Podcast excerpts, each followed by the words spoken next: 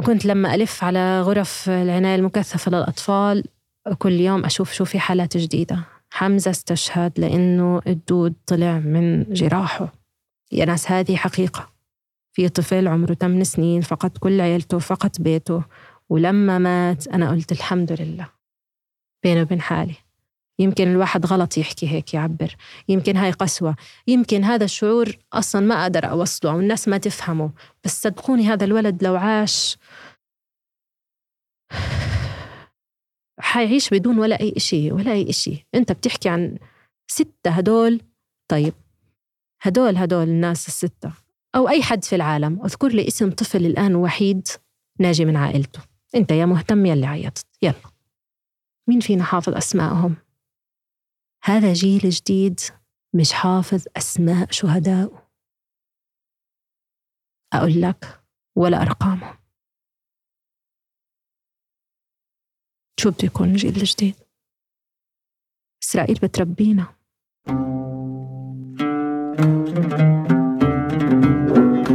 تقريبا صار لك شهر جاي من غزة؟ بالضبط شهر آه. أنا طلعت كان 60 يوم وصلت في اليوم الثاني والستين الحرب ها؟ أنتوا بديتوا تصوروا؟ امم طيب. آه فصار لي 30 يوم آه في اسطنبول. أنا خرجت من الحرب غطيت فيها 60 يوم ويومين في معبر رفح فوصلت من شهر. شو تركت في غزة؟ شو تركت غزة فيكي بالشهرين هدول؟ شو ما تركت في غزة. يعني فعليا إحنا جينا هنا. آه بعض الأصدقاء بيحكوا لي في في عملي في القناة إنه نشوف شوفي طبيب لازم تحكي شفت كتير كذا. بقول لهم في حال إنه بدنا نشوف خليها لبعد الحرب. لأنه إحنا ما خرجنا من الحرب إحنا لسه أهالينا هناك. بتمر أيام أحيانا أسابيع. في ناس لليوم ما بنعرف عنها إشي.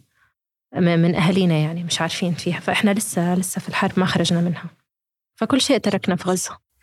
آه نزلت على غزة في 8 أكتوبر. قرار جريء. 7 أكتوبر كنا في المعبر إيه كنا في في المطار.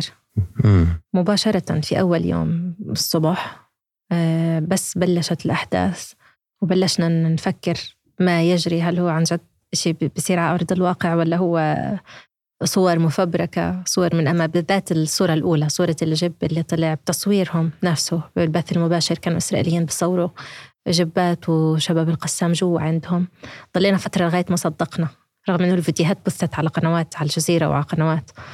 ضلينا فترة. فمن هداك اليوم من أول لحظة أنا كلمت إدارتي في القناة وحكيت لهم بدنا نروح على غزة. أنت كنت وقتها بتتخيلي لما بدك تنزل على غزة كنت يعني بدك تغطي الحرب متوقع في حرب؟ يعني في ردة فعل اللي صار أكيد. حتكون مرعبة بس أكيد. كنت بتتخيلها بهذا الشكل؟ إسرائيل أكلت ضربة أو خلينا نحكي كف أنا أزعم إنها عمرها ما أكلت في حياتها. هيعلم إلى الأبد. علم. مم. علم علم. علم وممكن هذا بفسر يعني معروف الإسرائيلي بتصرف بحقد وبوحشية و...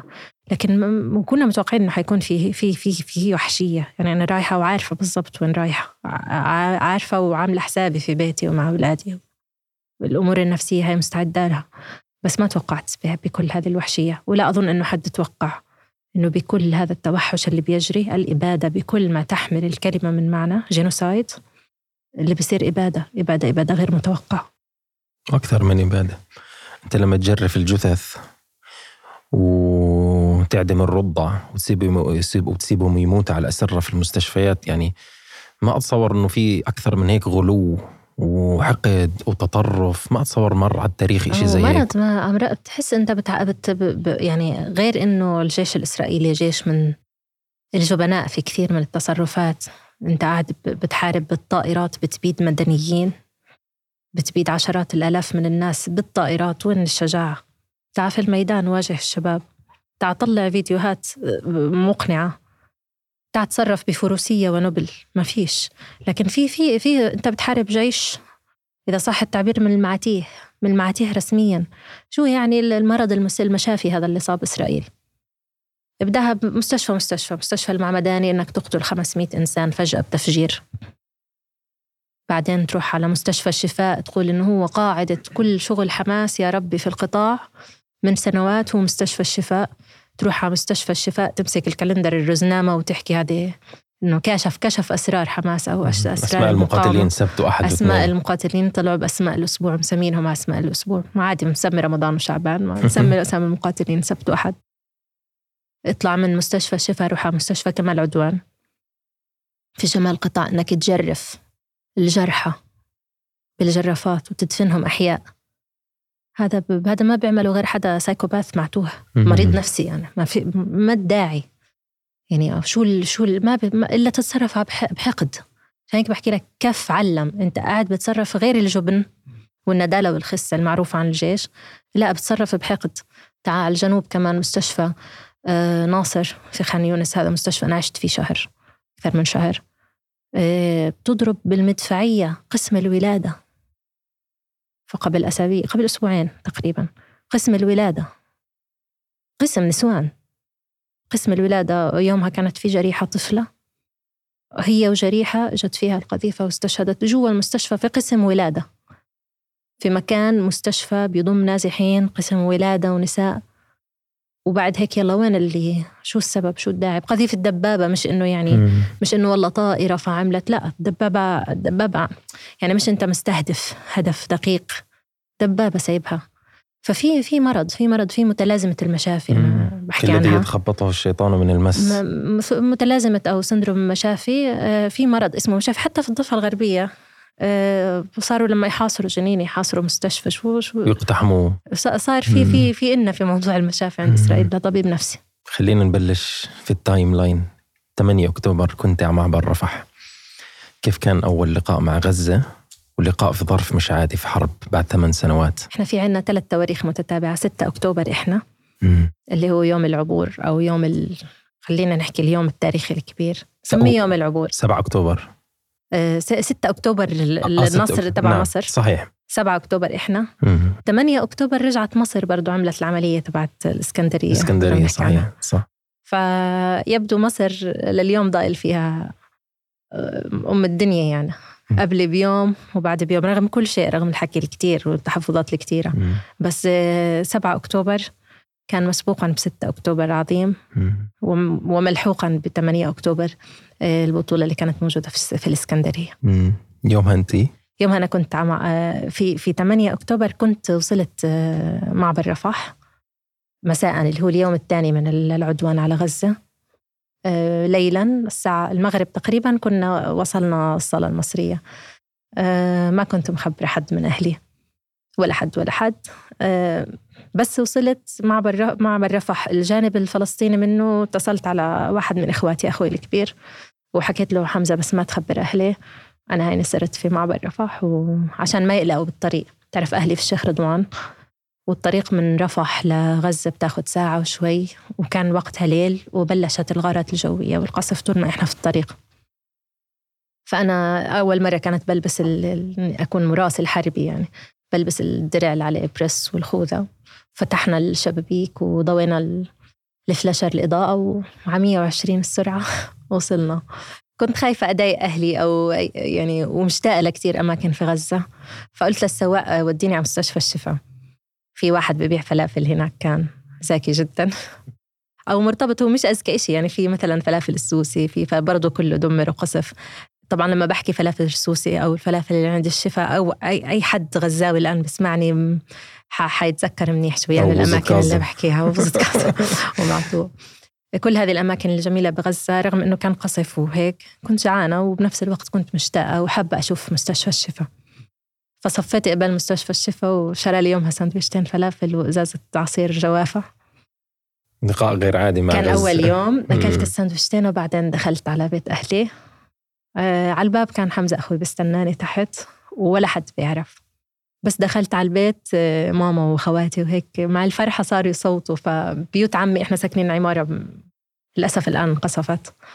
بس مجموعة أعمام مع بعض فكلهم خافوا يعني من الصوت إنه هل البيت فيه إخلاء هل فيه قصف. ومن اللحظة الأولى هاي آه خلينا نحكي بدل اشتباك مع الواقع الحقيقي. سواء كظروفي أنا في النهاية رايحة مراسلة بس أنا مش رايحة على أوكرانيا أو على روسيا. أنا رايحة على بلدي. فأنت جزء من القصة جزء من الاشتباك. لسه بوصل؟ أه بكلم دار حماي. حماتي تحديدا. كيف حالك يا خالته وأنا موجودة أنا بغزة. مال صوتك؟ قالت لي فلانة وفلانة من خوات زوجك انقصفت بيوتهم من اللحظة الأولى. كانوا لسه إسرائيل ما بلغت فيها الوحشية. خلينا نقول بتحمي. يعني هي في اليوم الأول ما كان في قصف أصلا. صحيح. استنونا قبل ما نوصل غزة. وكنا مبسوطين في اللي هو كانت الإحصائية انه هم 1400 كانوا مشغولين مشغولين بشو بيجري عندهم ما كان بس. مم. ولما بلشوا قصف بيوت تقريبا ضلوا يوم أو يومين يعطوا تحذير. طبعا كلمة تحذير كتير لطيفة. إسرائيل في عندها عدة أنواع من التحذيرات اللي كانت تعملها. إنها تقصف البيت. بطيارة آه، زنانة بنحكي عنها طيارة استطلاع.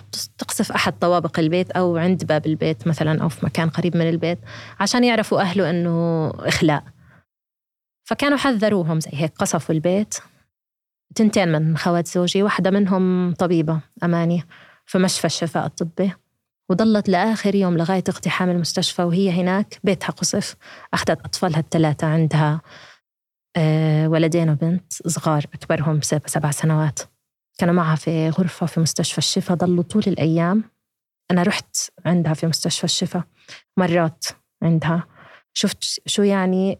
أماني نموذج لكتير أطباء موجودين وضلوا أبطال لآخر يوم.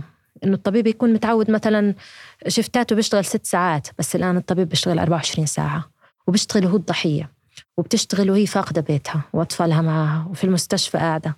هاي نموذج لكتير أطباء كانوا بس تحمم أولادها لأنه ما في ما في مي في أزمة هيك. كانت تحممهم في الغرفة غرفتها اللي هي الصغيرة في المستشفى على الأرض بعدين تلم المي عن الأرض نحكي عن طبيبة مفروض طبيب في شغله يكون في, في, في, في الأماكن المحترمة بالعالم. الطبيب مريح عشان لما يشتغل يعرف يركز في شغله. كانت هيك شغلها مع أطفالها. في ظل لاحقا يعني كان النقص الحاد في في الغذاء النقص الحاد في بنحكي عن أطفال. أنا بحكي لك عن ناس فقدت يمكن يمكن يمكن أنصاف أوزانها يمكن عن أطفال. أنا شفت صورة ابن أخوي من كم يوم وبعرفه كيف كان كالبوز يعني زي ما بنحكي بالعامية بحكي لأخوي صور لي وجهك أشوفك. قال لي مش حتعرفيني بلاش يا أختي. تحكي عن شباب بتصوم كل يوم عشان ما في أكل في الناس اللي ضايلة في في غزة. عن شباب لما صار الاقتحام مثلا لمناطق الشيخ رضوان والنصر والصفطاوي وهاي الأماكن اللي هي المناطق اللي فيها عائلتي كانت. آه تكون سامع صوت الدبابات سامع صوت أصوات النسوان. لابس البوت وحاطط سلم ومستعد عشان في أي لحظة الجيش لما يدخل على البيت تنط وتطلع لأنه كانوا بيقتلوا الرجال. أنا بحكي لك شهادات ناس أقاربي بتخصني درجة أولى. شو يعني إنه عيلة بالكامل عيلة المدهون تعدم بالكامل في بيتها. هذول كانوا بجوار أحد أقاربي أقارب درجة أولى كانوا هناك. يعدموا وتضل أنت قاعد في البيت وتنضرب خمس قذائف مدفعية على البيت اللي أنت قاعد فيه وتضل قاعد. وعندك أطفالك وعندك مرتك وعندك نسوان وعندك بنات. هذا القهر صعب على على الفلسطيني. على الشاب على الشاب الفلسطيني. خليني أحكي الغزاوي يمكن لاني لأني بنت غزة مثلا. بعرف شو يعني شو يعني الشاب هذا؟ أبو راس كبيرة. إنه يحس بالقهر. بيحكي مرة مع أحد الأصدقاء بيحكي لي إنه في الخليج رجل أعمال مرة حاكي إنه هذا أبو كرامة بشغلهوش. الشاب الفلسطيني أبو كرامة هذا يعني قالها مازحا. بس إنه كل شوية نفسيته ما بتتحمل له. عنده عزة نفس. يعني كيف بنغني في موطني؟ الشباب لن يكل همه أن يستقل أو يبيد؟ أو يبيد. قال لك نستقي من الردى مستعدين نشرب من الموت. ولن نكون للعدا كالعبيد. كالعبيد. بس هذا الشاب الفلسطيني أصعب إشي عليه. يعني اليوم وزير التراث الإسرائيلي بيقول لازم ندوق. يعني أنا بس بعيد صياغة شو حكى؟ لازم نعاقب الفلسطينية بوسائل عقاب أقسى من الموت. أقسى من الموت. اللي أقسى من الموت اللي فعلا دقوه الشباب الفلسطينية هو هاي قهر الرجال أو بديش أقول الذلة صعبان عليهم الذلة إن شاء الله إنه ما الله لا يذلهم ما عاش اللي يذلهم يعني لسه ما انولد اللي يذلهم. بس ذاقوا شيء من قهر الرجال. خليني أحكي لك على مثلا من ضمن الشباب اللي كانوا معنا في مستشفى ناصر بخان يونس خلال فترة التغطية مصور وكالة الأناضول زميلي محمد العلول. محمد أنا كنت في فترة من الفترات لما أطلع باللايفات أو التغطية المباشرة مع القناة. آه، أطلع الفجر. آه، أربعة الفجر خمسة الفجر هيك تبدأ لايفاتي فأصحى مبكرا. ليلتها محمد العلول أهله حطتهم في المحافظة الوسطى. وهو عندنا في مستشفى ناصر بخان يونس ما كانت لسه الطرق مسكرة. بس إذا إجا الليل ما حد بتحرك خلص بتصير كل متحرك يقصف ويستهدف. محمد ليلتها كان موجود عندنا في مستشفى ناصر وما راح يزور أهله العلول. انقصف البيت بيت أهله وأولاده وهو في المستشفى.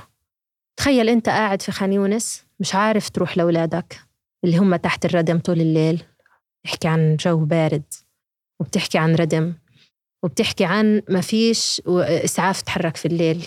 ما فيش فرق دفاع مدني بالمرة فيش وقود عشان يحرك فرق وهو قاعد وشوف القهر على التليفون يعني يضحكوا عليه اللي هناك يسايروه إنه هينا طلعنا لك هي فلان عايش هي كذا.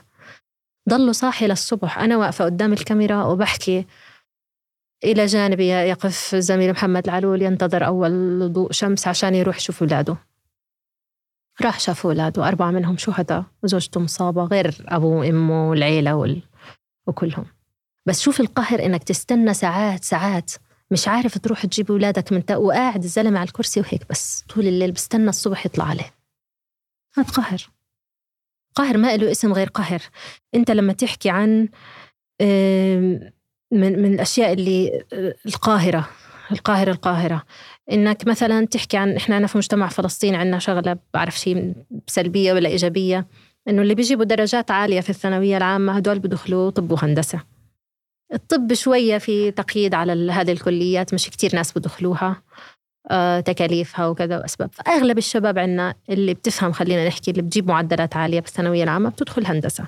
عندك كلية الهندسة في الجامعة الإسلامية على الأقل بتخرج المئات كل سنة. هدول مهندسين تمام؟ هدول جابوا في الثانوية العامة فوق معدل كذا كذا. هدول إلهم سنوات تحكي عن حصار له 17 سنة. الشاب هاد مش قادر يتزوج.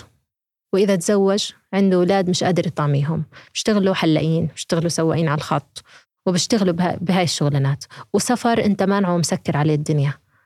طب أنت كسياسي إسرائيلي خليني أنا رئيسة وزراء دولة إسرائيل. تمام؟ دولة إسرائيل.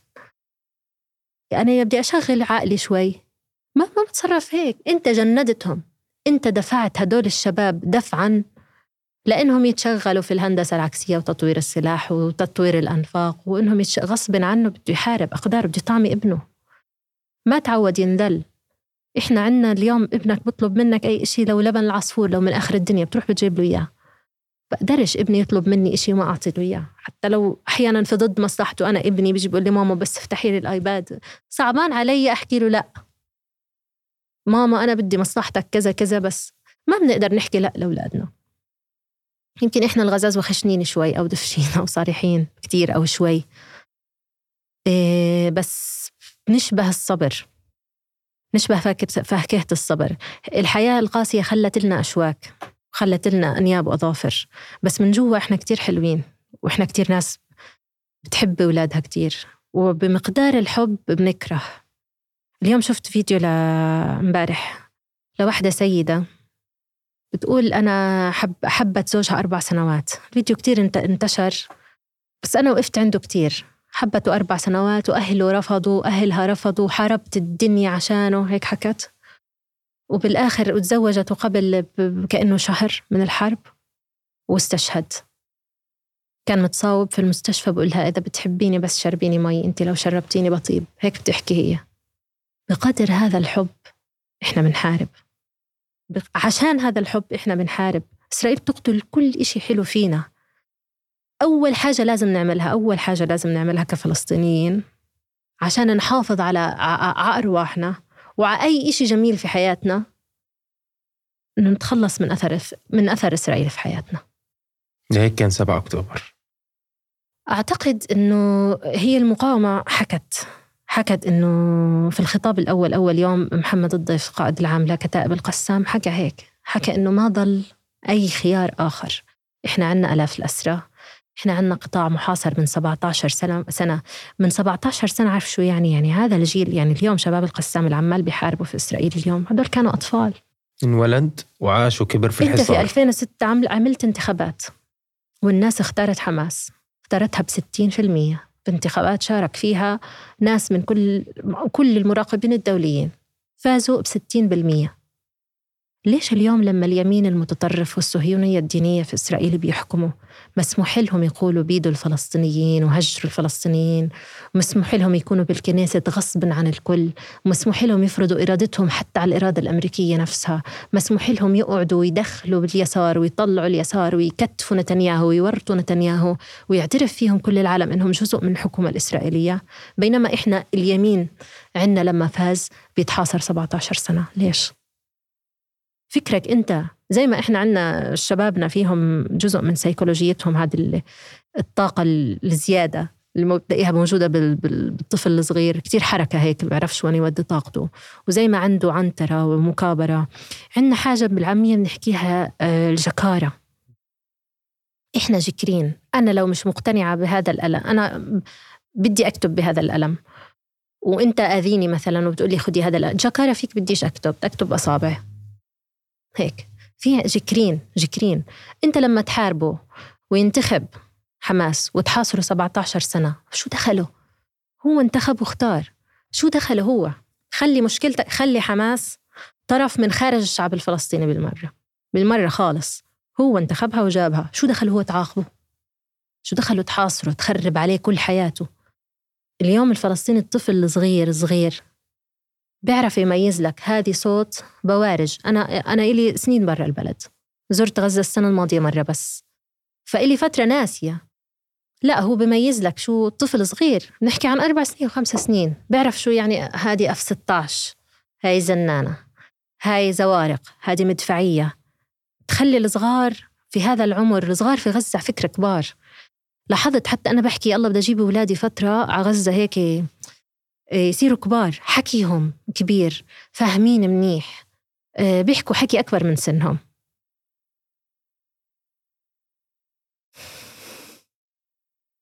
أو مثلا وضع البنات آه، في غزة. شفت الأسيرة واحدة من الأسيرات اللي كانت معتقلة عند القسام بتقول إنه البنات البنت ملكة عندهم. هم بيعاملوا المرأة كملكة. سموها سلسبيل حتى اختاروا لها اسم. فعلا البنت عندنا ملكة. بس بناتنا إلهم 92 يوم في منهم. أو إلهم خلينا نحكي أشهر شهرين على الأقل بلاش تهجروا من أول يوم. قاعدين في خيمة. حجابهم ما بيقدروا يرفعوه عن رأسهم. ما بتقدر تتعامل بأخص خصوصياتها. البنت بدها تصف طوابير طويلة عشان بس تروح على دورة المياه أو على الحمام. أو تروح تتحمم. في أخص خصوصيات البنات. إحنا بناتنا ما بيحملوش إشي تقيل اليوم لما أختي وأمي وأختك وأمك يقعدوا في الشارع يولعوا بلاستيك أنا شفت ولد صغير وإحنا في في مستشفى ناصر خلع آه، غطاية سلة الزبالة. فأنا قلت يمكن عندهم سلة زبالة مثلا فبده يغطيها فخلعها وأخذها. مشيت وراه أشوف شو وين رايح. أخذ البلاستيك ولعوا فيه نار عشان بيعملوا عليه طبيخ. أي شيء خشب الآن أي شيء بلاستيك. وعارفين إنه هذا الكلام مسرطن وعارفين إنه بضر. وبولع نار. شو بيخلي بنت معززة مكرمة وناس والله صعب صعب عليهم يعني صعب عليهم الذلة. مش وجه بهدلة مش وجه بهدلة. بناتنا مش وجه بهدلة. تبهدلوا للأسف في الحرب. تبهدلوا قعدوا على في الشوارع. وقعدوا في الطرقات. وقعدوا بدون مي. انت بتحكي عن الأمراض مثلا المنتشرة.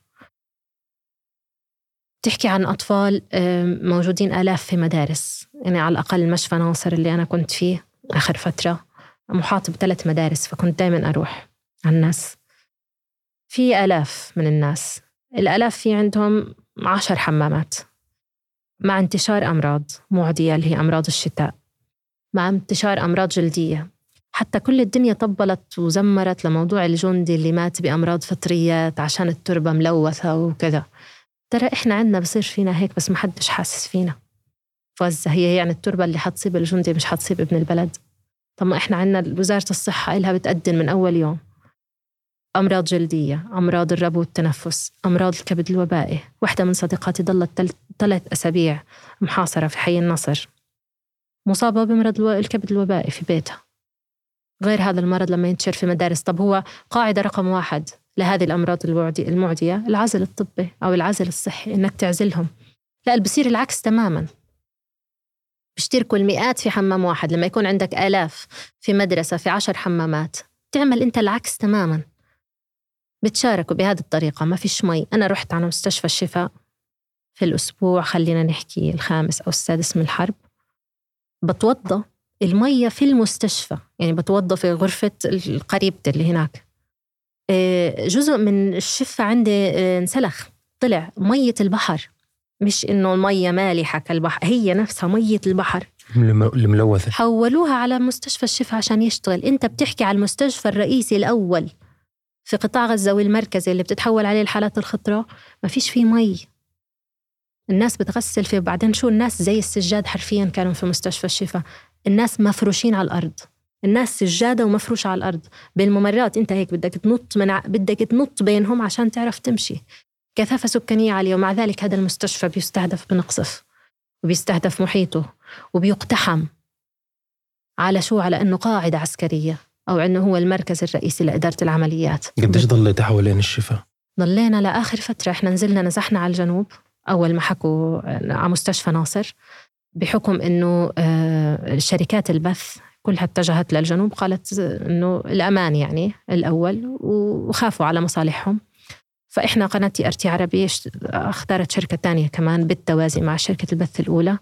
فكنا شغالين من شركتين كنا نروح على غزة نضل فترة هناك ونرجع نشتغل في خان يونس في غزة مع بعض. تقريبا من ثمانية. أنا رحت مرة على غزة خلال بعد فترة النزوح ضلينا فيها فترة. مم. عدة أيام. ورجعت. آه، كان المفروض أرجع مرة تانية بس في المرة الثانية رجع زميلي كان مراسلنا هناك سامي برهوم. نعم. وضلوا هناك و... صديقي العزيز سامي برهوم. ضلوا هناك سامي عالق فترة. مم. وبعدين رجع من خلال شارع صلاح الدين فترة يعني كنا كثير قلقانين عليه يعني إنه هو حيصل على الجنوب أو ما حيصل. ووصل الحمد لله. أول ما بلش الهجوم البري وبلش تقطيع أوصال غزة لشمال وجنوب آه، بلش حركة نزوح. كنت شاهد على هذا الشيء. شو شفتي؟ أنا شفت في فترة آه، ما شهدت حركة النزوح. رحت مرة لما كان سامي جاي من الجنوب على من الشمال على الجنوب. رحنا آه، جبناه من منطقة النصيرات أو منطقة الزهرة مثلا في الوسط أول ما وصل. فشفت الناس كيف كانت مبهدلة. هي وجاية ما شفتها في الطريق. بس أنا سمعت شهادات. مروعة. مروعة حقا على الأشياء اللي صارت بالنزوح. من ضمنها واحدة زميلتنا صحفية كانت معنا في مستشفى ناصر بخان يونس. قالت اليوم وصلوا أهلي. وصلت أمي و... وإخوتي معها. قلنا شو صار؟ هم ماشيين في الطريق. طبعا لازم يكونوا رافعين هوياتهم هيك وماشيين. فواحد من الشباب لابس تيشيرت بلوزة بيضة نص كم طبعا ممنوع الالتفات ممنوع تطلع ممنوع آه، كتير صارمة. وكانوا بيقتلوا بيعدموا ميداني مباشرة على الشبهة يعني على الشبهة. قناصة الجيش كانوا منتشرين هناك دبابات وكل شيء. فبتقول إنه أمها كانت ماشية وأخوها لابس تيشيرت أبيض. فواحد من الشباب آه، كان مغطي آه، من الشمس وجهه بهويته. فقتلوه. مباشرة وهو ماشي. الشاب إمها كانت مفكرة إنه هذا ابنها. لابس نفس لبس ابنها وبنفس وضع وفكرت إنهم قتلوا ابنها والأم ما التفتت ضلت ماشية. أنت تخيل درجة الذعر اللي فيها الناس لأنه لو التفتت الأم حتنقتل. بتقول بعد ما مشينا بشوي أمي قالت الحمد لله إنه مش أخوك. كانت مفكرة إنه ابنها مات ومع ذلك ما التفتت. متخيل لأي درجة ذعر ورعب؟ ناس حكت إنه إحنا كانوا ماشيين زي كأنهم ماشيين على الصراط المستقيم. زي ما بيمشوا الناس على الصراط المستقيم. كانت تمشي على الصراط المستقيم. جرحى جرحى وصلوا ناس سابوا الناس تطلع من مستشفى الشفاء لجرحى وتمشي. انت بتحكي عن كيلومترات طويلة عن مشي لساعات. تمشي. بتحكي عن ناس كبار بالسن. بتحكي عن ناس كانت حاملة أولادها مش قادرة تحمل أولادها. أعطتها لناس تانية وقالت لها بنلتقي هناك. خلي ابني معك أمانة. واحدة من الجرحى الجريحات أنا شفتها في مستشفى ناصر بخان يونس. كانت هاي المرة. عندها بتر بإيدها. عندها بتر بإيدها. حاملة البنت تبعتها على إيدها الثانية وهي عندها بتر جريحة جريحة يا عالم. حاملة بنتها بإيد واحدة وماشية. ماشية كيلومترات طويلة. جريح مريض بده يمشي كل هذه المسافات. ناس تركت إمها وأهليها ونزحت على الجنوب. وبنحكي بدنا نوقف وقفة كتير مهمة هان. على وقفة هذا النزوح أو أنه أهل غزة نزحوا ولا ما نزحوا. على فكرة في مناطق في مناطق في شمال في شمال خلينا نحكي شمال الواد مع إنه ما بديش أستخدم التعبير الإسرائيلي أو على الأقل الحدود الإسرائيلية ولو بالاسم. في المناطق غزة والشمال في مناطق آه، في ثقافة الناس إنه حتى اللي بيطلع الآن آه، بغض النظر صح ولا غلط أو مش حنحكي على التفاصيل بيعتبروا اللي طلع من المكان هذا خاين إنه كيف أنت بترد على الجيش؟ خاين أو جبان كيف تطلع؟ أذكر وقت نشرت فيديو إنه يا جماعة أعذروا الناس اللي نزحت. هذا بعد بعد بفترة بس في ناس مثلا مناطق زي بعض بعض المناطق في جباليا آه، يمكن في أحياء كاملة ما حدش طلع. ما حدش ما حدش طلع. وعلى فكرة هذا هذا الكلام مهم. مهم للناس اللي بتحكي على الهجرة آه، أو التهجير. اليوم بيحكوا عن التهجير الطوعي. أول حاجة كلمة طوعي هاي خدها زي ما هي ارميها بزبالة. بزبالة. ما فيش حاجة اسمها تحت أحزمة نارية. إنها طوعي. فيش حد بيطلع من بلاده حتى الشباب اللي طالعين من قبل ومغتربين وطالعين لشغل أو طالعين لدراسة أو طالعين لأي ظرف كان ما في حد بيختار يغادر أحياءه ويترك أهله. تركتك مكرها والله يدري. بما فعل الفؤاد غدا سارة. أنا لما طلعت من غزة كانت قاسية علي قاسية جدا جدا علي طلع حتى بالحرب. ولما خرجت منها في 2013 أول مرة قاسن قاسن جدا إنه الواحد يطلع من بلده. ما فيش حد فيش حاجة اسمها هجرة طوعية. فيش. الشعب الفلسطيني ما بت... ما بيطلع ما بيطلع ما بيطلع. اللي بتطل... اللي بيطلعوا اسأل أي مغترب الآن. أي مغترب برا فلسطين. لو أنت قادر توجد فرصة عمل لو قادر تدرس ببلادك حتى الناس اللي حت... في ناس حتطلع بعد غزة لأن بعد بعد الحرب لأنه البلد تدمرت تماما. في كتير ناس ممكن تطلع بعد الحرب بس هدول خرجوا هذه هجرة طوعية. طيب لو هجرة طوعية في الآن ناس بتجادلك بتقول لك آه، صاروا نص مليون طالعين من إسرائيل من يوم ما بدأت آه، من يوم ما بدأ 7 أكتوبر وإنهم هاجروا وشوف كيف سابوا بلدهم. ففي إطار حوارات بتدور على ال social media بقول لك طب أنت افتح معبر رفح كمان وشوف قديش من الفلسطينيين حيهاجروا صحيح؟ لكن نفس الوقت افتح مجال للعودة للشمال. اليوم بند من البنود اللي بتتفاوض عليها المقاومة مع إسرائيل إنه السماح بعودة الناس من الجنوب للشمال. لو الناس عن جد بدها تهاجر بتحط هذا البند بند تتفاوض عليه؟ فكرة في كتير شغلات بتضحك في المفاوضات. مضحك مبكي هذه الكوميديا السوداء. من ضمنها كمان إنك أنت بتتفاوض قاعد على إدخال المساعدات في في أيام الهدنة أيام لما صارت صفقة تبادل. أو المرحلة الأولى من صفقة التبادل. وين كنت فترتها؟ كنت في غزة وكنت في أيام غطي معبر رفح. يعني مروا من أمامنا سيارات الصليب الأحمر شفناهم وهم بيسلموا بيسلموا اسرى على الجنوب المصري بند من البنود اللي كانوا يتفاوضوا عليها السماح بإدخال المساعدات. مقابل إنك أنت تسلم الاسرى بدك تسلم رهاء من عندك اسرى وبدك تسمح بدخول المساعدات. طب بند دخول المساعدات عن معبر رفح هذا أنت مين بتفاوض عليه؟ انت مين بتفاوض عليه؟ هاد بند كتير برضو بيوقف عنده الواحد زي بند برضو السماح بعودة الناس من الجنوب إلى الشمال. بلاش يا سيدي. الناس اليوم بتطرح تساؤل برضو هل الناس الحاضنة الشعبية اللي عملته إسرائيل مثلا الناس تركت المقاومة أو الناس حتضغط على المقاومة أو شو شعبية حماس في غزة؟ طيب أنا أقول لك.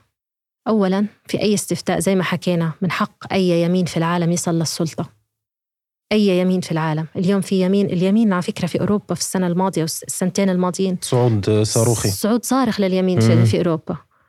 وفي إسرائيل صعود صارخ لليمين. ليش إحنا اليمين تبعنا حرام؟ يصل للسلطه ليش؟ الشغلة الثانية. غير إنه صارت انتخابات. ليس عدلا إنك أنت تضرب الناس تقتلها وتبيدها إبادة إبادة إبادة. وبعدين تقول شو شعبية حماس الآن أو شو شعبية المقاومة. طيب نمشي في هذا الجدل كمان. لما يكون في عندك 800 ألف إنسان ضلوا طوعا طوعا بحكي ضلوا طوعا في مناطق شمال قطاع غزة ومدينة غزة وهم مدركين تماما قادرين ينزحوا على الجنوب ويمشوا. قادرين لما إنسان متخير بين الحياة والموت مش قادر تنزل على الجنوب. خليهم صاروا يا سيدي 600 ألف إنسان. وخلي 100 ألف منهم ما قدروش ينزحوا على الجنوب. غير قادرين بدهم ينزحوا في عندك 500 ألف نص مليون إنسان. غزة تعدادها السكاني كله 2.2 مليون مليونين و200 ألف. في عندك نص مليون منهم هدول اختاروا يموتوا. في بيوتهم. في بيوتهم. مش بس لحالهم. بأولادهم بعائلاتهم بزوجاتهم. هذا واحد مقتنع حد الموت بحد. هذا مش استفتاء. لما أحكي لك 2 مليون ربعهم مستعد يموت عشان الفكرة اللي مآمن فيها ضل هذا هذا استفتاء. وين اليوم بعد ثلاث أشهر على الحرب؟ أكثر من ثلاث أشهر يعني. إبادة ومسح تدمير لكل شيء يعني الشجر والحجر والبشر. ومناطق مسحت عن بكرة أبيها يعني في الشمال ما زال في ناس صامدة. وعند أول فرصة بتلاقيها نزلت على السوق وتسوقت واشترت وراحت وأجت وبدها تعيش غصبا عن الاحتلال. سمية كيف كانت تغطيتكم أنتم يعني كصحفيين كيف كنتوا تتنقلوا؟ كيف وين كنتوا تناموا؟ شو كنتوا تاكلوا؟ شوف هو في أول يوم كان الخروج لما لما وصلت هناك كان على أساس في عندنا مكتب في غزة كان على أساس. كان هيك الأساس. هيك تخيلتوا انت وإنه التغطية حتكون إنه شخص حيكون على روف أو على سطح المبنى زي أي مراسل برستيجه بمايك وبلبسه وعنده أكله في المكتب وعنده شغله وعنده وقت راحته وعنده تلفزيون إنترنت ولابتوب وكل شيء. وزميل آخر بكون في الميدان مثلا وبرجع. وصلنا أول يوم حد الله إذا شفنا المكتب. يعني مباشرة تاني يوم كان في إخلاء للعمارة إخلوا فما كان الصحفيين أخلوا يعني معظم المكاتب الصحفية أخليت. وين راحوا؟ راحوا في فندق الروتس على شاطئ البحر غزة. فندق معروف جدا آه، في غزة وعلى المينا بالضبط على البحر مباشرة. لسه أنت برضو محافظ على خلينا نحكي برستيجك. وصلنا هناك قنوات دولية ووكالات أنباء دولية وعالمية وعربية موجودة في هذا المكان بتنسيق قالوا إنه في تنسيق مباشر مع الجيش إنه هذا مكان صحفيين محترم. تقعد فيه يوم يومين كم يوم؟ بعدين بيطلب منك إنك تخلي هذا المكان. اخلي هذا المكان طبعا من ضمن الطرق اللي كانت التحذيرية اللي خلينا نتفق على دفاشة الكلمة إنه الكلمة غير صالحة للتعبير عنها. إنه بقول لك اخلي المكان إما بتليفونات من الجيش مباشرة أو بقصف قرب المكان. أو في المكان نفسه قصف موضعي. آه انتشرت في هذيك الفترة اسطوانات مسجلة كانت تلف على الكل. أوتوماتيك إنه اخلوا اخلوا اخلوا فأنت ما تأخذ الموضوع على محمل الجد. الأمر الآخر انتشرت كمان المستوطنين آه، كانوا يتصلوا تسلاية يعني على الناس إخلي إخلي عشان الناس تخاف وما يكون في إخلاء. فإحنا ما أخذنا الموضوع على محمل الجد من أول مرة. خاصة إنه في كتير ناس وصلتهم اسطوانات وهيك. شوي في الليل لا الموضوع صار جدي فقلنا احتياط احتياطا خلونا نخلي ونروح على مستشفى الشفاء. فأخلينا يومها كل كل الفندق أخلى بالليل. قبل خراب الشفاء. قبل خراب الشفاء آه. فكان هاي تاني زيارة إلي على فكرة كانت لمستشفى الشفاء. الأولى أول ليلة لما وصلنا وأكلنا فلافل. مم. طبعا أنا كنت باكل فلافل وبتفرج على المصابين جايين طالعين نازلين. مسافة ما السواق راح جاب لي قاعدين ونتفرج وصافنا إنه وين أنا عن جد بس شو اللي صار؟ أنا انخبطت على راسي بيومها السبعة الساعة سبعة الصبح يوم سبعة أكتوبر إنه آه، في صواريخ طالعة. يومها كانوا يحكوا اغتالوا العروري أول يوم. كانت على ال social media إنه هيك المقاومة بتضرب كل هالصواريخ هاي بالمئات فجأة لأنه اغتالوا العروري. هيك كان الناس بتحكي. صحيح. تأجل الحدث 90 يوم يعني بعدين اغتال العروري الله يرحمه. وين أنا؟ شو شو جابني؟ عن جد أنا في غزة وأهلي لسه مش عارفين. آه، كانت هاي تاني مرة بوصل فيها الشفاء ليلتها بتنا بتذكر ليلتها بتت في سيارة البث. ضلينا للصبح. آه، بقية الزملاء كانوا اللي فرش حرام على البلاء كان على في خيام نعم, نعم صحيح. حرامات حرامات ما كان لسه في خيام. فرشوا حرامات على رصيف والله. في السيارات وهيك. وكان لسه الجو ها مش مش هالبرودة الشديدة بس الليل كان بارد. ثاني يوم الصبح انقصف ال Roots أو ما انقصف ما صار قصف. يلا نرجع. رجعنا دخلنا في شي ساعة. إلا ضربوا فيلا أمامنا فيلا سكنية. زي ما هي صاروخ يعني ضربوا صاروخ أف 16 المكان اللي قبالك على طول مقابلك على الشارع. قطعت شا... قدام عينينا انضرب. بدنا نطلع نتحرك ما نتحرك ضربوا فسفور أبيض. على باب الفندق اللي إحنا فيه. فتحاصرنا. إيه وتحاصرنا وما يومها ما لقطت الاتصالات كانت اتصالات ضعيفة جدا يعني مش عارفين نتصل في حد يطلعنا بنتصل في قنواتنا ما فيش. تحكي عن صحفيين الجزيرة الحرة العربية إحنا كل يعني وكالات أنباء كثير نحكي عن عشرات عشرات الصحفيين الدوليين. تحاصرنا بعد س... بعد فترة يعني لما لقط معنا الخط وضلهم يضربوا فوسفور دخل لعنا يعني. صرنا نحط مناديل وبليناها بمي و...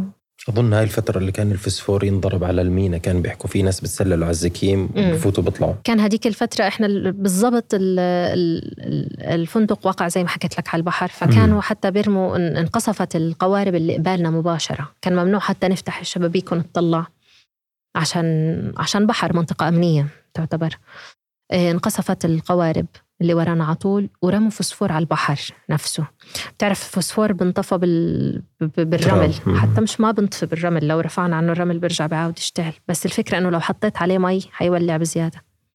فهم كانوا بيرموا فوسفور على المي وكانوا لسه الشباب بيروحوا على زكيم مقاومين وبيرجعوا من خلال البحر. على موقع زكيم بيشتبكوا وبيرجعوا.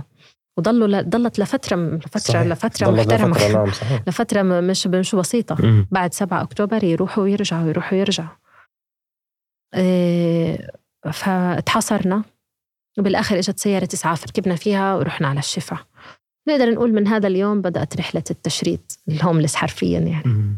بدون كم ضليتوا في الشفا؟ بدون بيوت لغاية الإجلاء للجنوب لغاية ما صار طلع أوامر الجيش بالإخلاء إحنا خلص كان مقرنا هناك الشفا تغطية 24 ساعة إحنا مقيمين في الشفا لما انتقلنا انتقلنا من مستشفى الشفاء لمستشفى ناصر بخان يونس. أنا قبل هاي الحرب كان أي حد يسألني إيش أكثر مكان تكرهيه؟ أجاوب أوتوماتيك المطبخ والمستشفى. أنا شخص بكره المشافي في في الوضع الطبيعي. فإني أعيش هذه الفترة الطويلة كلها في المستشفى تقريبا شهر ضليتوا بالشفاء؟ لا أقل. أقل. أقل يمكن أسبوعين. بس بعد انتقلتوا لشيء, لشيء مشابه. رحنا على مستشفى ناصر بخان يونس بس برضو كنا نروح ونرجع لغاية ما انقطعت الطريق تماما يعني. مم. لغاية ما قطعوا تماما التواصل بين مم. يعني إحنا ضلينا في غزة كتي أر تي عربي كفريقنا لغاية آخر ناس طلعنا من هناك كمراسل تلفزيوني. آخر آخر اثنين طلعوا من غزة كان وائل الدحدوح لما نزل عن برج الطباع. ومراسل غزة مراسلنا كان سامي برهم. تقريبا إحنا اليوم بنحكي في نفس اليوم. تقريبا إحنا اليوم نحكي في 107 شهداء خلال ثلاث أشهر وهي الإحصائية ربما تكون الأكبر. يعني ما سقط هيك عدد من الصحفيين, الصحفيين؟ مثلا في الحرب العالمية ولا بالحرب الكورية ولا حرب فيتنام ولا حتى حرب العراق إذا بدك تقيسيها على المدة. مين شو شو في زملاء لكم تعرضوا لأذى سواء في عائلاتهم أو استهداف مباشر لهم؟ كنت شاهد على عليها هذا الشيء. إيه واحد من إحنا حكينا عن محمد العلول. مم. خلينا برضه في وكالة الأناضول نمسكهم حدا حدا. مم. وكالة الأناضول كمان من ضمنهم علي جد الله. مم. علي قريبي بدرجة ما يعني من أقارب عائلة أمي. وعلي آه، أول من أوائل الأيام في الحرب في الشفاء وإحنا في مستشفى الشفاء شفته. كيف حالك كذا؟ قال والله امبارح قصفوا بيتي. كان مخلي البيت بيته هو نفسه. في هذا اليوم تماما يعني تاني يوم ما قصفوا بيته انقصف بيت أهله. أمه مريضة عندها غسيل كلى. آه، صار معها كسر بالحوض. أما إخوته وأربعة من البنات أقاربهم يعني.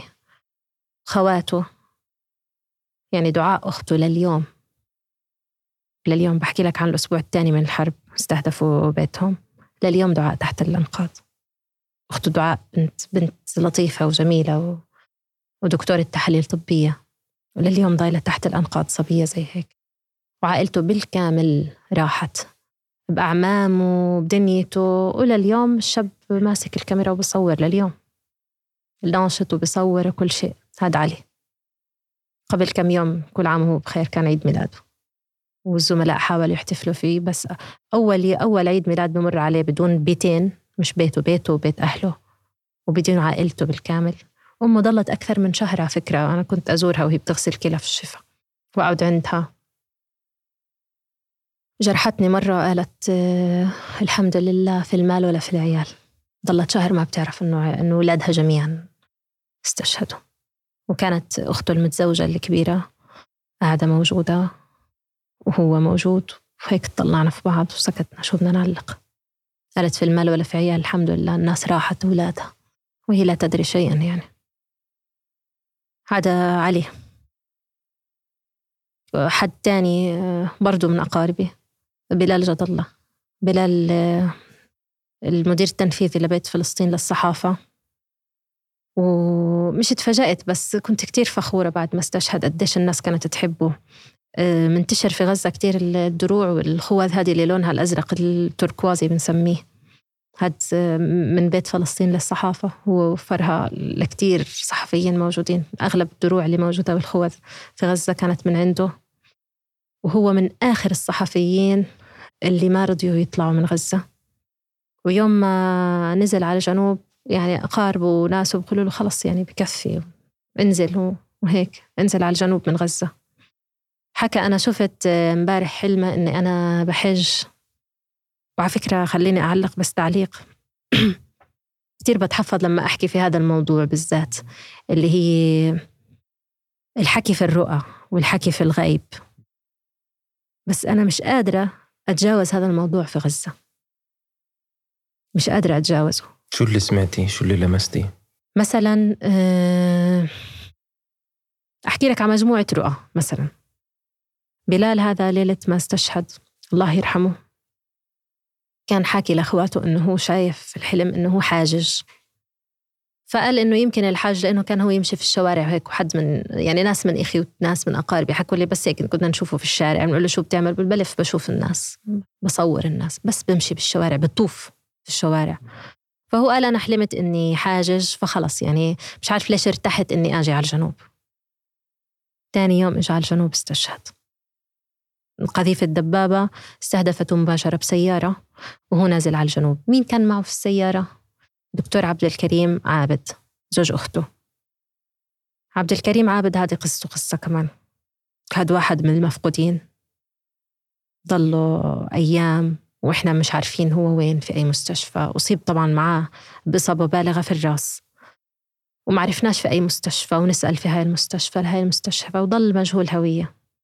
بس وين ال... وين القصة؟ القصة إنه قبل بكم يوم أخته شافت أخوها اللي هو شهي يعني زوجته زوجة عبد دكتور عبد الكريم اللي هي بخالتي بتكون. شافت إنه أخوها أخوها صلاح جود الله كان مستشهد في الانتفاضة الأولى واحد من خاطفين أخشون فاكسمان آه، جاي لها في الحلم فهي بتقول له إيه أنت ما شفت عبد الكريم عن زوجها لأنها تزوجت بعد استشهاد أخوها بس لو شفته حتحبه كتير. أو أو بس يجي عندك بس يجي عندك حتحبه كتير. فهي حست. وبنفس الوقت إنه خلص الواحد كيف في أشياء آه، ببطل يفكر فيها عشان يعرف يعيش. وصارت كتير نماذج هحكي لك كمان إنه كيف إنه بتشوف شغلة زي هيك فأنت بتخاف بتضل ساكت بتحكيش فيها و... فلما كنا بندور بالمستشفيات عليه كانت هي تقول خلص تدوروش تدوروش أنا عارفة هو مستشهد. صلاح أخوي حكى لي. كأنه ربنا بده يريحها من عناء البحث عن المفقود. يبرد على قلبها. إي آه يهدي بالها. كتير ناس زي هيك عندها مفقودين لو تعرف إنه ابنها مثلا استشهد أكيد في مرارة بس بيهدى بالها شوي. يعني أنت بتحكي عن 120 جثة آخر مرة اللي سلموهم جثمين شهداء سلموهم في معبر كرم أبو سالم في الجنوب عشان يندفنوا في الجنوب جابوهم من الشمال. هدول هدول مين؟ هدول تسلموا أرقام واندفنوا أرقام وأهلهم مش عارفين عنهم. في 120 عيلة و120 قلب و120 وجع. واصلين فاقدين كلى وفاقدين حدقات أعين وفاقدين جلود. واندفنوا أرقام. جزء من خلينا نحكي الطبطبة الإلهية إنه ربنا هدى بالها وطمنها ولو شوي كشف لها شوي من الغيب إذا بنفع نحكي. من ضمن كمان القصص اللي زي هيك أنا أسفة إنه بحكي عن إشي خاص أو عن عن أقاربي أو عن عيلتي بس بحكيه كنموذج لأنه بيعكس لك بيعكس لك وضع. وبحكيه لأنه ممكن يكون مصداقية أكثر أنا بحكي لك هذا صار معي مع عيلتي مع أقاربي. فأسفة إذا بحكي كتير في أشياء بتخصني أنا. بس هذا لأنه لأنه إحنا بدنا نستمع ولازم القصص هاي توصل للناس. لأنه لأنه لأنه هذا اللي شفته. هذه دائرتي المغلقة. أكثر والأكثر يمكن تاثيرا علي. من ضمن كمان الأشياء اللي صارت عيلة زوجي من عيلة أبو نعمة. أعمامه بزوجاتهم بأطفالهم كان عندهم نازحين. في أول الحرب استشهد دكتور وائل الزرد هو داعية داعية فلسطيني معروف وواجهة واجهة خلينا نحكي فلسطينية في غزة. معروف في منطقة شرق شرق غزة في حي التفاح وخلينا نحكي جار لعائلة زوجي. فبعد ما استشهد قبل بأسابيع بيجي بالحلم لعمه أبو عصام اللي هو عم زوجي. بيقول له وينكو يا دار أبو نعمة؟ طولتوا علينا. فعم أبو عصام بحكي له في الحلم برضه إنه لاحقينكو لا لاحقينكم لاحقينكم صبح تاني يوم على جروب الواتساب يعني بيمزحوا الشباب وولاد العم والعمام فبحكي لهم هيك هيك. فصار الشباب يحكوا له أيوة روح لحالك كذا إحنا تاني يوم مباشرة تاني يوم الرؤية هاي آه عمة يعني عمة زوجي اللي هي أختهم لهدول الناس اللي في العمارة. بزوجها بأولادها بكله بنقصف بيتها وبتستشهد. بنصل للحظة اللي هي تحط بلوك على الحلم أو تبطل تحكي فيه خلص أنت تذكرته بس ما حدش بيحكي فيه. تبطل تمزح. ببطل فيه مزح. لما حكوا إخلوا مثلا واحد من الأعمام مسجل التسجيل الصوتي على ال group العيلة هاي. حكى أنا بيتي لليوم بسد أقساطه والله لو بدنا ندفن فيه كلنا ما نطالع منه. بعديها بأسبوع بنقصف البيت. اللي إحنا مش عارفين عدد اللي فيه على فكرة. هم أعمام زوجي بأولادهم بنسوانهم بأطفالهم بالكناين لأنه الأولاد متزوجين في نفس العيلة بالنسايب يعني اثنين من نسايب الكناين كمان موجودين في البيت. بنازحين تانيين. إحنا لليوم مش عارفين العدد.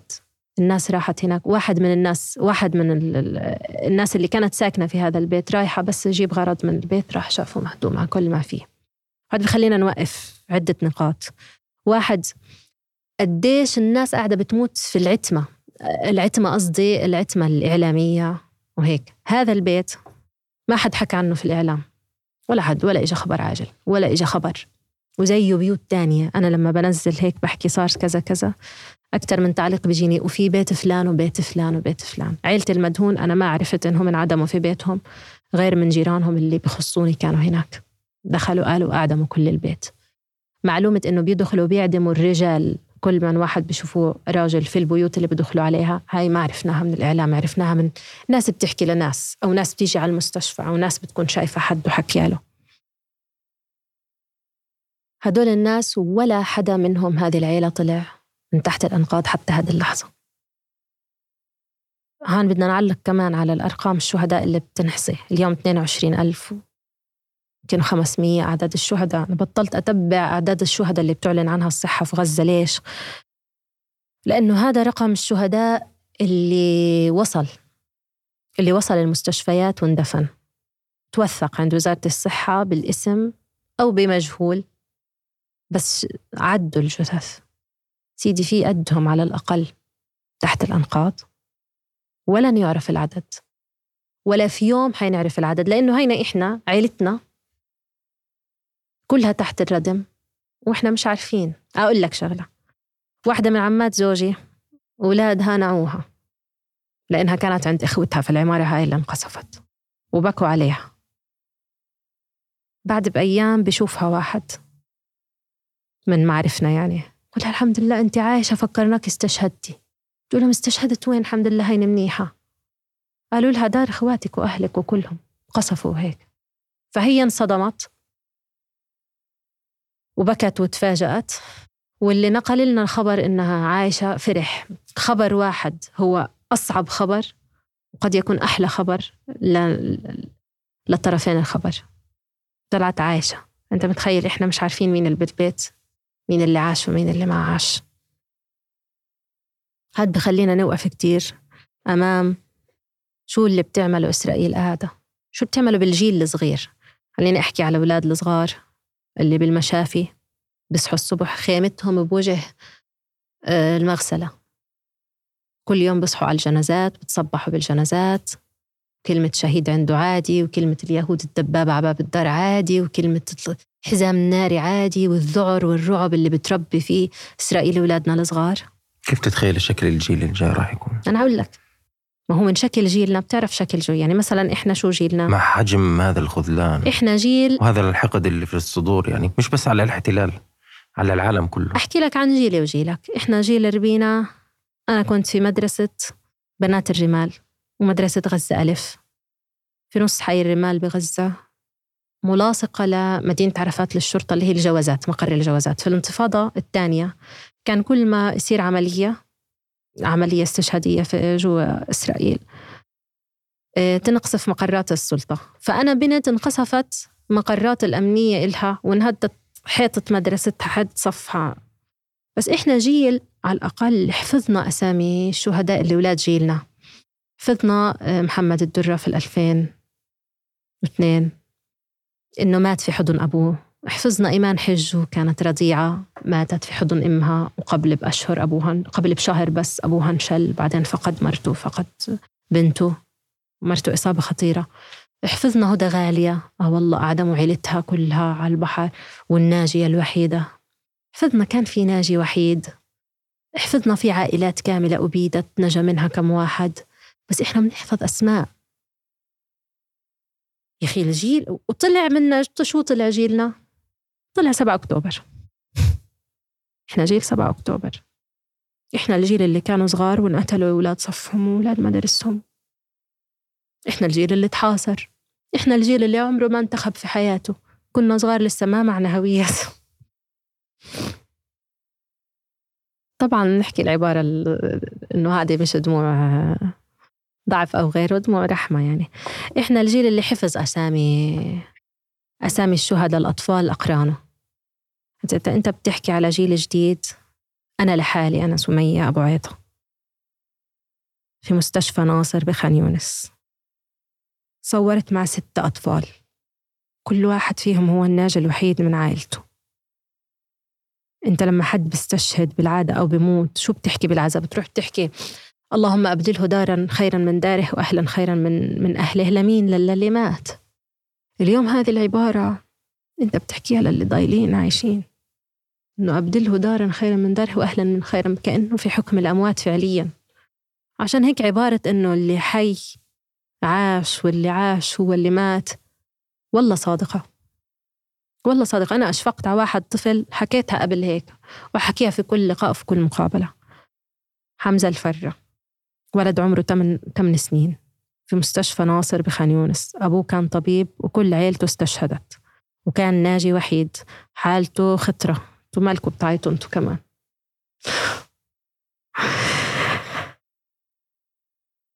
وكنت لما ألف على غرف العناية المكثفة للأطفال كل يوم أشوف شو في حالات جديدة. حمزة استشهد لأنه الدود طلع من جراحه. يا ناس هذه حقيقة. في طفل عمره 8 سنين فقد كل عيلته فقد بيته. ولما مات أنا قلت الحمد لله. بيني وبين حالي. يمكن الواحد غلط يحكي هيك يعبر. يمكن هاي قسوة. يمكن هذا الشعور أصلا ما أقدر أوصله أو الناس ما تفهمه. بس صدقوني هذا الولد لو عاش حيعيش بدون ولا أي إشي ولا أي إشي. أنت بتحكي عن ستة هدول؟ طيب. هدول هدول الناس الستة. أو أي حد في العالم. أذكر لي اسم طفل الآن وحيد ناجي من عائلته. أنت يا مهتم يا اللي عيطت يلا. مين فينا حافظ أسمائهم هذا جيل جديد مش حافظ أسماء شهدائه أقول لك ولا أرقامهم. شو بده يكون الجيل الجديد إسرائيل بتربينا. إحنا بنتربى يعني أنا كنت أحكي أنا تربيت مرتين. أنا تربيت مرة لما ربوني أمي وأبوي وتربيت ربوني ولادي لما صرت أم. اليوم الجيل الجديد يا عمي إسرائيل بتربينا. بغباء استراتيجي بغباء مع الغباء جندي برضو من جنود ربنا. تربي جيل أنا مش عارفة شو حيكون هذا الجيل. يعني سمية يعني إذا حكينا عن 48 نكبة وعن ال 67 نكسة إيش ممكن نحكي عن بصير اليوم؟ شوف أول يوم آه أنا مش عارفة بأي صفة الآن بحكي. بصفة فلسطينية ولا بصفة شاعرة مثلا. خليني أحكي بحكي كإنسان يعني وهذا لا يتعارض مع غيره. إحنا شعارنا أصلا في قناة تي أرتي عربي مع الإنسان أينما كان.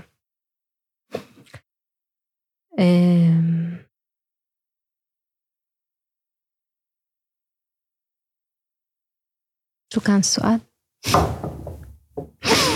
بحكي لك إذا كان إذا سمينا 48 نكبة أول يوم أبو عبيدة في من أوائل الخطابات الناطق باسم المقاومة الفلسطينية أو الناطق باسم كتاب القسام حكى كلمة. قال لن تكون هناك هجرة للشعب الفلسطيني إلا لن يترك بيوته إلا بعودته لبيوته الأولى اللي هجر منها. سيناريو التهجير. أنا بحكي بكامل قواي العقلية والقلبية الآن. فشل تماما في غزة. اللي أفشلوا هم ناس استشهاديين درجة ثانية اللي ضلوا في بيوتهم في مناطق شمال غزة. في مناطق غزة. كان ممكن لو هدول الناس طلعوا تصير هذه المنطقة منطقة عازلة وتضم لاحقا لإسرائيل وتتوسع وتصير أمر واقع زي ما الاستيطان بصير في الضفة الغربية اليوم أمر واقع. اللي أفشل هذا الأمر الواقع وهذا السيناريو واللي مربك إسرائيل إرباك كبير لا يقل عن إرباكها اللي صار معها في 7 أكتوبر هو وجود هدول ال 800 ألف ال 600 ألف النص مليون إنسان اللي ضايرين في الشمال. هدول ناس شرعنوا المقاومة هدول ناس بيحكوا لأولاد المقاومين هدول مش جايين من برا هدول مش داعش. هدول زي ما حكيت لك. أذكى ناس في الشعب الفلسطيني. هذا مش عسكر. المقاومة اليوم في كل فصائل المقاومة. أثبت أنه الأذكى. وهدول خريجين كليات الهندسة. والأفضل. ترى والأخف ظلا. وأخف دم جماعة صور يا دويري والحركات. هدول أولادنا. هدول أولادنا أولادنا. هدول مش جايين من برا. وبكرة بتشوفوا أسامي الشهداء. بتعرفوا إنهم من عائلات فلان وفلان وفلان. بتعرف إنهم أولادنا. بتعرف إنهم هم هدول بحاربوا في شوارعهم وبحاربوا بين ركام منازلهم وبيحاربوا من الأنفاق اللي تحت بيوتهم. هدول أولادنا. والناس اللي ضلوا في الشمال حكوا لإسرائيل هدول أولادنا بنسيبش أولادنا لحالهم. ولذلك هم بتعاقبوا. لذلك في مصطلحات جديدة اليوم طلعت آه زي مصطلح زي مصطلح الناجي الوحيد اللي هو صار كتير. مصطلح المربع السكني. تعرف في مخيم زي مخيم الشاطئ مثلا اللي هو الأعلى كثافة سكانية بين المخيمات. جارك أنت مش مشترك مع الحيطات الحيطان ملتصقين لا أنت مشترك معه بنفس الحيطة. يعني أنت شو بيحكي جارك؟ كان أنت سامع في الغرفة الثانية. متراص جدا كثافة سكانية عالية. أنت ارمي عليه شمعة بيولع. هذا المخيم. تحكي عن مخيم جباليا نفس الإشي. ترى هدول المخيمين بالذات بيحكوا عنهم معسكر. معسكر جباليا معسكر. صحيح. معسكر ليش مش ليش معسكر مش مخيم؟ مش عارفة ارتبطت الخيمة بالعسكرة يمكن. ولليوم هدول فعلا لليوم معسكرين. آه بيعتبروا حالهم إنه معسكر. وهي المناطق من خلينا نحكي المعاقل آه، كشعبية يعني من معاقل حماس في في غزة. أحياء آه، جباليا محسومة تماما يعني هذه. أحياء آه، الشيخ رضوان هم يمكن أكثر ناس صمدوا ورفضوا يطلعوا من بيوتهم.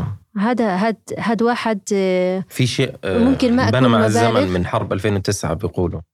الشيخ نزار ريان. آه إنه لن يدخلوا معسكر إنما لا. على فكرة شوف أنت الخريطة اليوم فكرة الإخلاء إنه خلينا نموت في بيوتنا. نموت في بيوتنا. والناس اليوم تمشي على نفس النهج. الله يرحمه. آمين. إيه في الشمال مثلا في بس تشوف الخريطة خريطة وين وصلت الخريطة الصفراء على الجزيرة مثلا. مم. بتحس في دائرة اللي هي منطقة جباليا. كل حواليها واصلين وما وصلوها ما دخلوها. يمكن من هذه من كرامات الشيخ نزار الله يرحمه دكتور نزار. في مناطق خلص محسومة شجاعيه تفاح هي مستحيل شيخ رضوان. مستحيل. هذه مع إذا حتى ب... ب... أنا بستخدم التعبير نفسه يعني التعبير الإسرائيلي خلينا نحكي. هذه معاقل حماس لما حكى الشجاعيه التفاح آه... هذه المناطق الشيخ رضوان هذه معاقل. هيك حكى عنها الإعلام الإسرائيلي. خليني أنا أضيف مصطلح جديد أو أو أسميهم تسمية جديدة بدون ما أبالغ فيها. هذول ناس آه، مش اختاروا حماس ولا ايدوا حماس ولا مجندين لحماس ولا محسومين لحماس. هدول الناس حرفيا بموتوا في حماس. بموتوا. بموتوا حرفيا حاليا بموتوا. مش حماس التعصبية مش حماس الحزبية. آه، بنحكي على المقاومة. آه، مصطلح المربع السكني. هذه المخيمات أبيدت. لما بنحكي إبادة جماعية اليوم وبتتوجه تهمة من جنوب أفريقيا لدولة الاحتلال إنه في إبادة لا حرفيا إبادة. أنت لما تضرب أحزمة نارية الأحزمة النارية يا جماعة هي مجموعة صواريخ اف 16 ذات القوة التدميرية الهائلة. تنضرب متتابعة زي خمس خمسة واطلع مباشرة ورا بعض ورا بعض ورا بعض. هذا الكلام بخلي المرب بخلي البيوت كيف بيحكوا أثرا بعد عين. يعني تراب. كأنها ما ما كانتش موجودة. تراب غبرة غبرة. فترمي على مخيم. وإنت عارف يا عمي لو لو لو لو لو جحر نمل الواحد بخاف يقتله بهالطريقة بيوت صفيح بعضها بنزل عليها صواريخ خارقة للتحصينات. بيوت أطفال نايمين بالليل. أنا لما انضرب مخيم الشاطئ أول مرة مخيم الشاطئ بيبعد يمكن مئات الأمتار فقط عن مستشفى الشفا أنا كنت نايمة في سيارة على رأس الشارع جنب مستشفى الشفا والشارع عتمة والدنيا كهرباء مقطوعة وشالحة بوتي. ونايمة. ضربوا أول هواية فكرت نحكي عنها هواية اللي هي أول خلينا نحكي غارة. إيه فأنا خفت الصوت كتير كان عالي مرعب. صوت الأف 16 لما بتقصف في الليل يا جماعة مرعب. لو شو ما كانت تحصيناتك النفسية مرعب. خليني أحكي لك على حزام النار اللي في خان يونس كمان شوي مستشفى ناصر. فأنا بلبس بوتي إنه يعني خلص قصف. بتفاجأ جب جب جب اللي بعديه ورا بعض ورا بعض. فمسكت بوتي وجريت حافية في الشارع جراي مستشفى الشفا شو شفت في خان يونس؟ في خان يونس شو حسيتي؟ خلينا نحكي بالحزام الناري اللي انضرب جنب مستشفى ناصر في خان يونس اللي هي ليلة ما انتقلنا آخر إشي على رفح عند المستشفى الكويتي في رفح. أنا من أول يوم في الحرب وأنا عاملة فيها بلعب دور البطل. يمكن يعني self defense mechanism أو حاجة حاجة نفسية عشان أقنع حالي إني أنا مش خايفة مثلا أو عشان أتماسك. إنه أنا مش خايفة. يعني أنا مش خايفة أستشهد بروح على الجنة مش خايفة كذا. كنت خوفي الوحيد إني ما أطلعش شقفة واحدة. يعني أنا خايفة أتشقف بس إني أضل عايشة بالنص. يعني خلص يا بروح كلي على الجنة يا بضل. أما ما هذا اللي كان مخوف وأحكي لحالي مش خايفة. لا ليلة الحزام الناري اللي كان في حوالين مستشفى ناصر بخان يونس في آخر أسبوعين إلي في غزة. كان مرعب. كان مرعب. ما شفناه بعينينا بس مرعب. لدرجة إنه عضلات جسمي صارت زي كأني حدا مكسرني فجأة. الجزء العض... يعني أنا مش بحكي مش خايفة بس أنا جسمي خاف. خاف خاف. صرت ارتعش. مش ارتعاش الخوف. ارتعاش أعصاب أو العضلات تعبت وهيك. مسكت كرسي وقعدت ما قدرتش أوقف. لما بنحكي هذا إشي مرعب. أنا شخص متهم متهور ومغامر. وشخص آه، جن. بعد السابع من أكتوبر أنا شخص فقد عقله تماما. ومع ذلك أنا ارتعبت من الحزام الناري ومن صوته أعترف. ومش قادرة أستوعب للآن الأطفال هدول الصغار بغزة. كيف متحملين؟ بلاش الأطفال اللي ضلوا في مناطق غزة وشمال غزة اللي كان القصف الأحزمة النارية عبيوتهم عبيوتهم عبيوتهم هم فيها. مستوعبين ولا عيد في ناس أطفال صغار. طب أنا في أول أيام شفت أهلي أول أسبوع. كنت عندهم أروح وأجي وأشوفهم. عندي أختين بعمر ولادي تنتين صغار. مسكوا ملك. كانوا بيرتجفوا. أشوفهم بيرتجفوا. يعني هلأ في صور بتظهر من غزة إنه إحنا بنخافش كذا بنحمل صغارنا. يا عم صغارنا بخافوا. نسائنا بخافوا. أقول لك ورجالنا بخافوا. إحنا ناس بنخاف. بس إحنا ناس عنيدة وبتكابر. وناس حبها لبلدها ولدينها أكبر من خوفها. وناس آه لا لا بتشك في لحظات وبتتعب. أنا كتير في آيات مثلا في القرآن وقفت فيها. بدور الواحد على أي إشي نفسي. يعني واحد من أقاربي بيقول لي قبل كم من يوم سمية أنا بصوم كل يوم. وقرينا قرآن عن كل اللي قريناه في كل الرمضانات اللي قبل. ترى هاد مش هالحد اللي كتير متدين مثلا خلينا نحكي أو هذا قبل الحرب. بس أنت بتصير تدور على أي شيء روحي أو إيماني أو كذا ترتبط فيه. أي شيء يثبتك. أنا من ضمن الآيات اللي في آيات كثيرة وقفت عندها وقفت عندها كأني بسمعها أول مرة. أول آية في أول يوم في خطاب آه، محمد الضيف. حسيت حالي أول مرة بسمعها. قال واقتلوهم حيث ثقفتموهم وأخرجوهم من حيث أخرجوكم. الجماعة رايحين جوا عندهم إلى حيث أخرجوهم. تشعر إنه القرآن تنزل آه أنا كنت بسمع خطاب الضيف وأنا بضب شنطة السفر شنطة الشهيدة شنطة صغيرة كتير.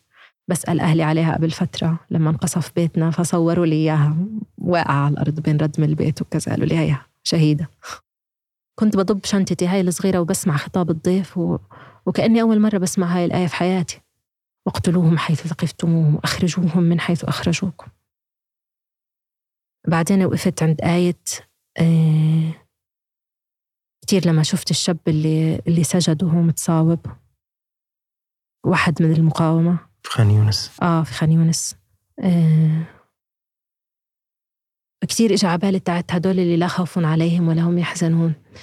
كتير خفنا عليهم يعني إيه، خلص لا لا هذا اللي لا تسأل عن سلامته. نسأل عن سلامتنا إحنا. ونخاف على حالنا إحنا. ونحزن على حالنا إحنا. وسمية إحنا لما بنبكي فعلا نبكي على حالنا إحنا. ما بنبكي على اللي راح ما بنبكي عليهم فعلا. إحنا بنبكي على حالنا يعني. في آيات مثلا في سورة آل عمران؟ وقفت عندها كتير.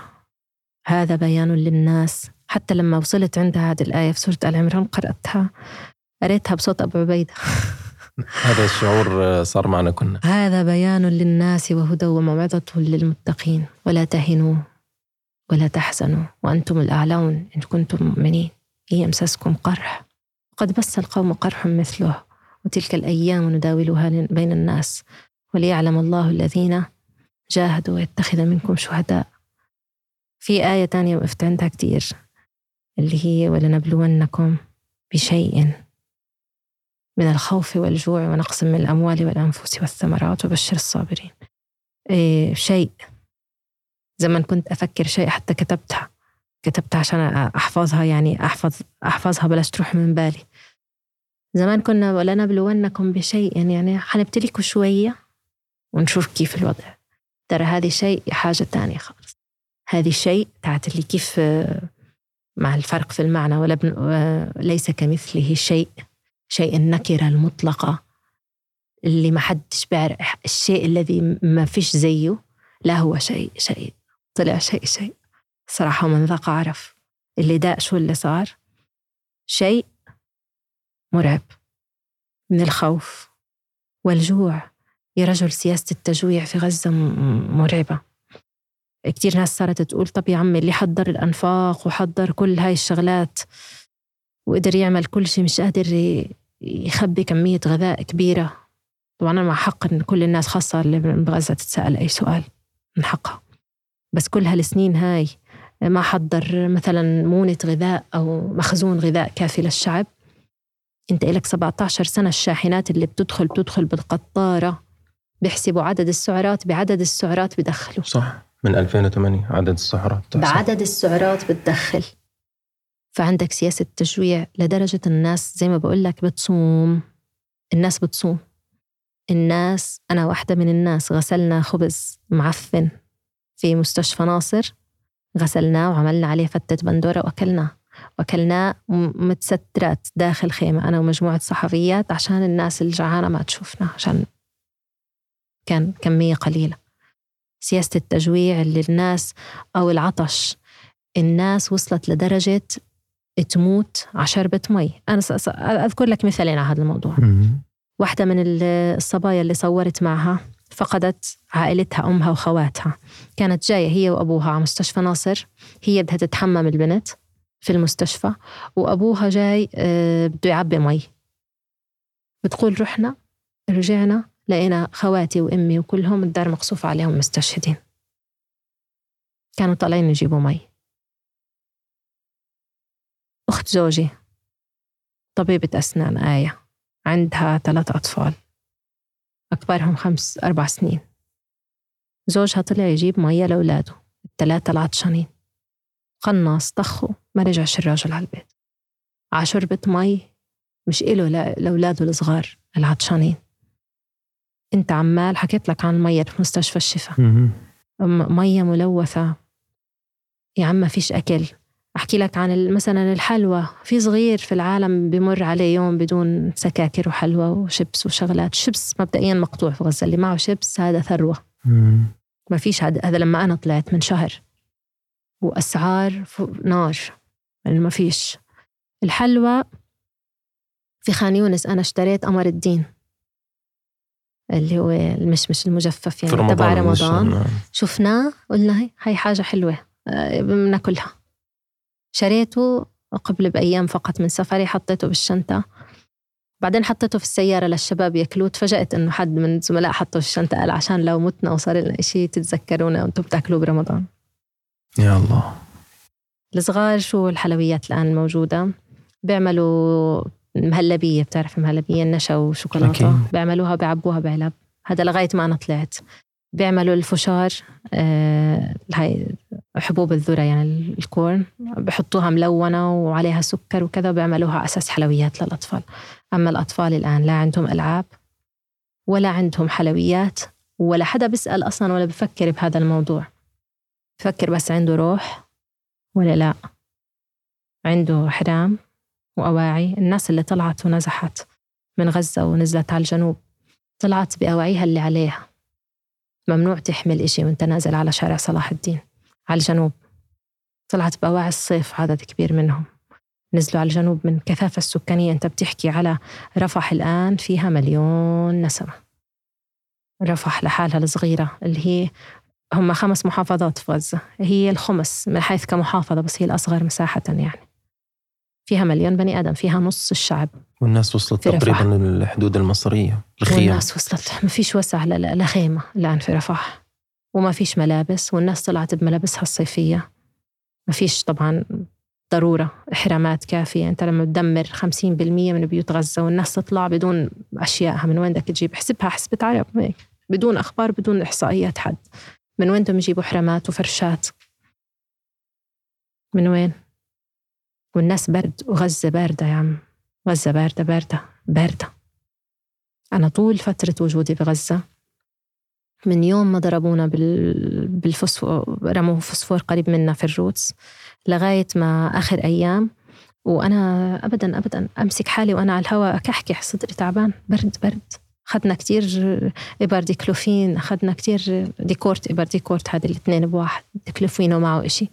إحنا كصحفيين المصورين اللي معنا والمراسلين والصحفيين كيف الرسول كان يصلي يصلي حتى تتشقق أقدامه؟ هدول واقفين على الكاميرات حرفيا تشققت أقدامهم. صاروا يدخلوا إحنا في مستشفيات يدخلوا على الدكتور دخيلك أي برهم دكتور دخيلك أي ضاغط أو مشد. العروق طلعت من رجليهم رجليهم عروقهم طلعت من رجليهم هم واقفين. الناس تعبت برا بيتها. انت غيب عن بيتك ساعات الدوام تحس حالك تعبت وامتى أروح.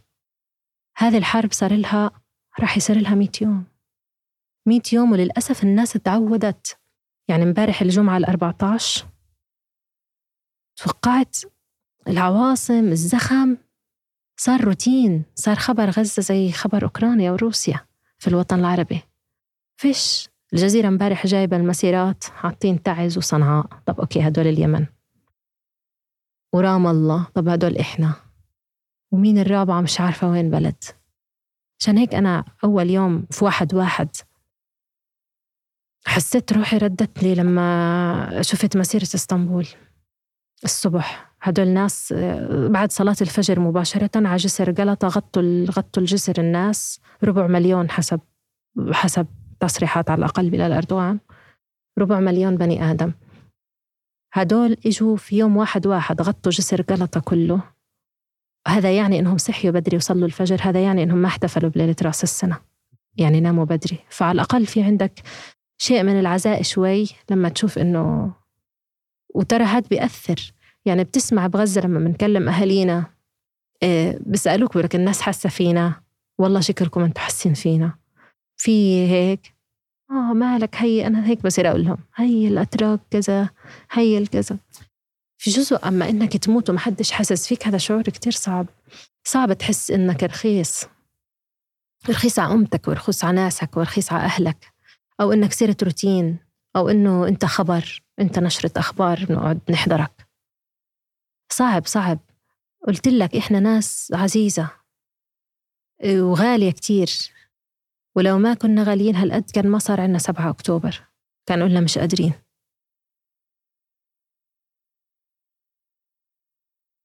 صراحة ما في ما في إشي بقدر أعلق فيه على موضوع الخذلان لأنه يعني بحياتي ما تخيلت بحياتي ما تخيلت هاي الأمة أمة أمة المليار. تأخذ غزة بهذا الشكل أو تأخذ هاي الناس؟ بحياتي ما تخيلت هذا الخذلان. فما بالك يمكن الناس هذه الشغلة الوحيدة اللي مش كاينين حاسبين لها حساب في غزة مثلا؟ الناس الناس فعلا جوا غزة لما كنت أنت جوا غزة كيف كانت تطلع لهذا الخذلان؟ كيف كانت شو كانت تعلق عليه؟ بدك الصراحة يعني؟ امم وما حيعجب كتير ناس الحكي. بس الآن في حاجة خلينا نسميها الحسبنة الترند في غزة. حسبي الله على العرب قبل إسرائيل. هاي أنا سمعتها بداني كتير. كتير يتحسبنوا كتير يتحسبنوا يعني أنت وصلت لدرجة ما فيش خط أحمر في غزة لأي شيء. حكينا عن المستشفيات حكينا عن مدارس مدارس إيواء. نازحين بلاجئين بطفل قاعد بدل ما هو قاعد في بيته قاعد في مدرسته اللي هو مفروض بيروح عليها بس هو مش بيروح عليها هو قاعد فيها بدل بيته اللي انضرب. بتحكي عن مساجد. أنا المرة الماضية ماشية أنا وزوجي في الشارع وصلنا جنب مسجد فأسرعت. مشيت هيك. بقول لي مالك إيش فيه؟ فأنا لا وعي إنه لما تعبر من قدام مسجد بدك تسرع. خلص خطر بلاش ينضرب الجامع. أكثر من نص مساجد غزة صارت اليوم ممسوحة ممحية. هاد وين؟ طبعا المساجد لله مش لغزة. سورة الإسراء ما, ما اسمهاش سورة الغزاويين. المسجد الأقصى موجود في المصاحف اللي بغزة وموجود في المصاحف اللي في كل بلاد المسلمين. والمسجد الأقصى مش لأهل غزة لحالهم ولا لأهل فلسطين لحالهم. وسورة موجودة في القرآن في نص القرآن. في نص القرآن. هاي السورة للكل. أقول لك يا عمي حصة سورة الإسراء بتاعت أهل غزة دفعوا حقها أهل غزة. تفضلوا ادفعوا الباقي. هي لنا لحالنا فيش خط أحمر. لا لا أديان. كنيسة بيرفيريوس. كنيسة عمرها أربعة آلاف سنة. كنيسة كانت لأنها قبل رومية ومعبد. كنيسة بهذا العمر بهذا العمر. دخلتها أصور فيها قاصفينها وقاتلين 22 شخص فأنا وبصور جوا بحكي 22 21 من الإخوة المسيحيين والحارس المسلم. بعد ما خلص التصوير مسؤول في الكنيسة هناك الكبير تبعهم. قال لي ليش بتحكي مسلمين ومسيحيين؟ قلت له عمو والله بس عشان العالم تعرف إنه القتل لا دين له يعني. ولا يقتصر على المسلمين. من ضمنهم عائلات قال لي اثنين إخوة بزوجاتهم وبأطفالهم. من ضمنهم أصغرهم طفل عمره شهر مسيحي قتلوه في الكنيسة. في الكنيسة يا عالم. ما فيش لا لا إرث حضاري ولا لا إرث إنساني ولا حيواني. أنا شفت الخراف في منطقة ضاربين الخرفان. خرفان شووها بالصواريخ. تركوها تتفحم شفت قطط ميتة. شفت قطط نازحة أولاد ماخدين بساسهم معاهم في الخيم أه، شفت حصن وحمير انضربت في الشارع وتحللت عظامها يعني هيكلها الموجود في الشارع. ما فيش ما فيش حرمة لشيء ولا لحضارات ولا تاريخ. سوق غزة القديمة مدينة غزة القديمة عمرها آلاف السنين. المسجد العمري. ما فيش أي حرمة لأي شيء. لا لصحفي من قتلوا أبو دقة سامر مصور الجزيرة. عد أصابعك طالع في سيارة إسعاف. ومعاه فريق دفاع مدني. ورايحين يصوروا في مدرسة نازحين وهو صحفي. يعني أنت لو بدك تركب الجريمة تركيب في فيلم وتشوفه تحضره في مسلسل بتقول إيش هالمخرج التافه؟ هالقد يعني يمك صحفي ودافع شو هالتبهير؟ كأنها إسرائيل بتدور وين الأكثر إجراما؟ وين الأكثر خرقا لحقوق الإنسان؟ وين الأكثر سفالة بدي أعمله؟ تتصوروا في حتيجي الذروة بعد هيك من هذا الغلو وهذا العلو؟ بالنسبة للكيان؟ في أكثر من هيك ضل تجريف مقابر؟ والله إحنا كل مرة سرقة جثث؟ كل مرة بنحكي فيش أكثر من هيك. بس مش عارف شو ضل بس هم قادرين الناس أحياء. قادرين على إدهاشك. قتل الأجنة. قادرين على إنهم في, في, في هذه الحقارة إنهم يتفوقوا على أنفسهم. طالما في دعم أمريكي. بس شوف هو كل مرة يعني هذا إذا في جانب مضيء منه أو خلينا نحكي جانب إيجابي منه بيعكس آه، فراغ. اللي بتصرف دايما اللي بيرفع صوته في صراخ في أي حوار. ضعيف. ضعيف. اللي بيلجأ لهذه الأساليب ضعيف. هو لو قادر يحقق إشي ميداني حقيقي عسكري. بلاقيش بلاقي فردة واحدة من كندرة السنوار في غزة. بعمل عليها عرس. بروح على بيروت. صح. لو في نتيجة لو في نتيجة حقيقية ما بيعمل كل هاي الجرائم. ما بيعمل كل هذه الجرائم. لو في نبل وفروسية فارس لفارس زي ما بنعامل الأسرة تبعونك تعامل الأسرة تبعونا مش ترجع لنا أسراء الجعابيس محروقة وترجع لنا أولادنا مرضى وترجع لنا اللي بيموت بعد بقى كم من يوم. لو عندك فروسية بس شو بدك تعمل؟ ربنا بلاك بعده هو وإن شاء الله إحنا قده إن شاء الله. آخر شيء. كيف بتقيمي؟ أنت قعدتي شهرين. يعني في هاي الحرب الأكثر جنونا ربما في العصر الحديث. كيف بتقيمي تغطيتنا أو التغطية الصحفية بشكل عام؟ شوف هو ما في خلينا نحكي ولا صحفي آه، دولي دخل على غزة. يعني تشوف أوكرانيا صار عليها حرب. ما ضل حدا. إسرائيل مش سامحة لك ولا صحفي دولي أو أجنبي يدخل. في المقابل جابت كل الأمة على الغلاف. كل الدنيا راحت على غلاف غزة آه. حتى إيلون ماسك قالوا له تعال جابوه. جابوه رغم إنه تصريحاته كانت ضد إسرائيل بشكل مم. كان مثير للدهشة الصراحة مم. بالنسبة لي. بس بعدين جابوه ولما وجهت له حماس دعوة إنه زور غزة كان له تصريح غريب برضه. إنه غزة مكان خطير. مم. هذا اعتراف ضمني على إنه إسرائيل مش مكان خطير على إنه غزة مكان إبادة حقيقية. مم. خلينا نرجع إنه ما فيش صحفيين. من برا. والصحفيين اللي جوا كانوا إما على الأقل فقدوا بيوتهم أو عوائلهم أو شهداء أو أقارب أو أصدقاء أو عوائلهم المغلقة أو أرواحهم. وبحكي إنهم تعبوا كتير. تعبوا جدا. تعبوا لدرجة فقدنا أعصابنا في أوقات كتيرة. كتير فقدنا أعصابنا وإحنا جوا. وإحنا بشر. وإحنا بأكد بنخاف وبنحزن ومش رخاص ولا الموت عنا حاجة سهلة وأولادنا غاليين علينا بس هذا اللي إحنا قادرين عليه الله يقوينا. يا رب آخر يوم إلك كان في غزة والوداع لغزة. كان اليوم الستين بالضبط للحرب. أه وكان في إغلاق لمعبر رفح صعوبة في الخروج طبعا ومنع وأشياء وتفاصيل.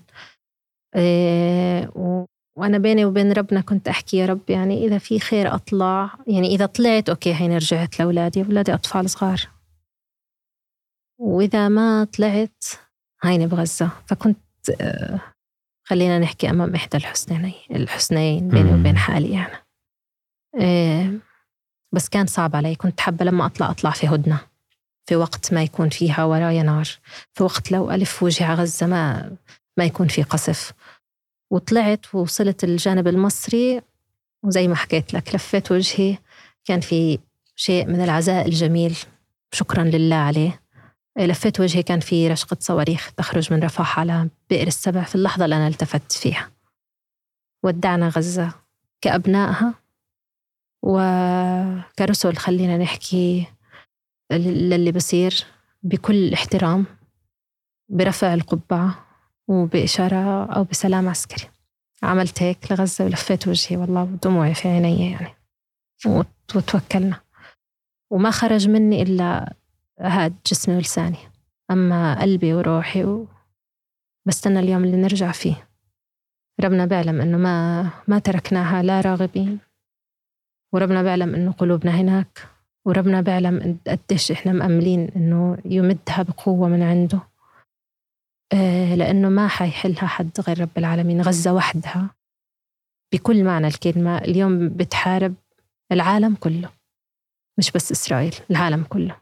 إسرائيل تبعت لك حامل الطيران على غزة على 365 كيلومتر.